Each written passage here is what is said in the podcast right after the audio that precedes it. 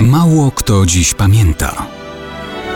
Datownik historyczny prezentuje Maciej Korkuć. Może wielu Polaków będzie dziś pamiętać o tym, że Mikołaj Kopernik, urodzony 550 lat temu, rocznica minęła w lutym, zmarł dokładnie 480 lat temu, 24 maja 1543 roku.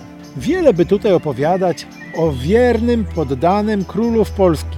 Astronom, prawnik, medyk, matematyk, znawca ekonomii, świetny gospodarz, administrator, głęboko wierzący człowiek kościoła i sprawny obrońca Olsztyna przed krzyżackim najazdem.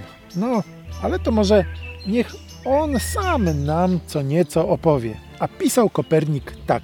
Spośród licznych i różnorodnych sztuk i nauk, budzących w nas zamiłowanie i będących dla umysłów ludzkich pokarmem, tym Według mego zdania przede wszystkim poświęcać się należy i te z największym uprawiać zapałem, które obracają się w kręgu rzeczy najpiękniejszych i najbardziej godnych poznania. No i tutaj pewnie nikogo Kopernik nie zdziwi, że wygłasza prawdziwy hymn pochwalny na cześć astronomii ale potem pisze tak. A skoro zadaniem wszystkich nauk szlachetnych jest odciągać człowieka od zła i kierować jego umysł ku większej doskonałości, to ta nauka, oprócz niepojętej rozkoszy umysłu, sprawić to może w pełniejszej mierze niż inne. Któż bowiem zgłębiając te rzeczy i widząc jak wszystko w nich jest ustawione w najlepszym ładzie i boską kierowane wolą, nie wzniesie się na wyżyny cnoty przez pilne ich rozważanie i stałą jakby zażyłość z nimi.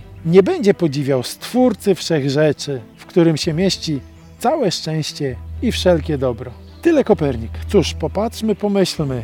Może warto pamiętać i powtórzmy to raz jeszcze, że zadaniem wszystkich nauk szlachetnych jest odciągać człowieka od zła i kierować jego umysł ku większej doskonałości.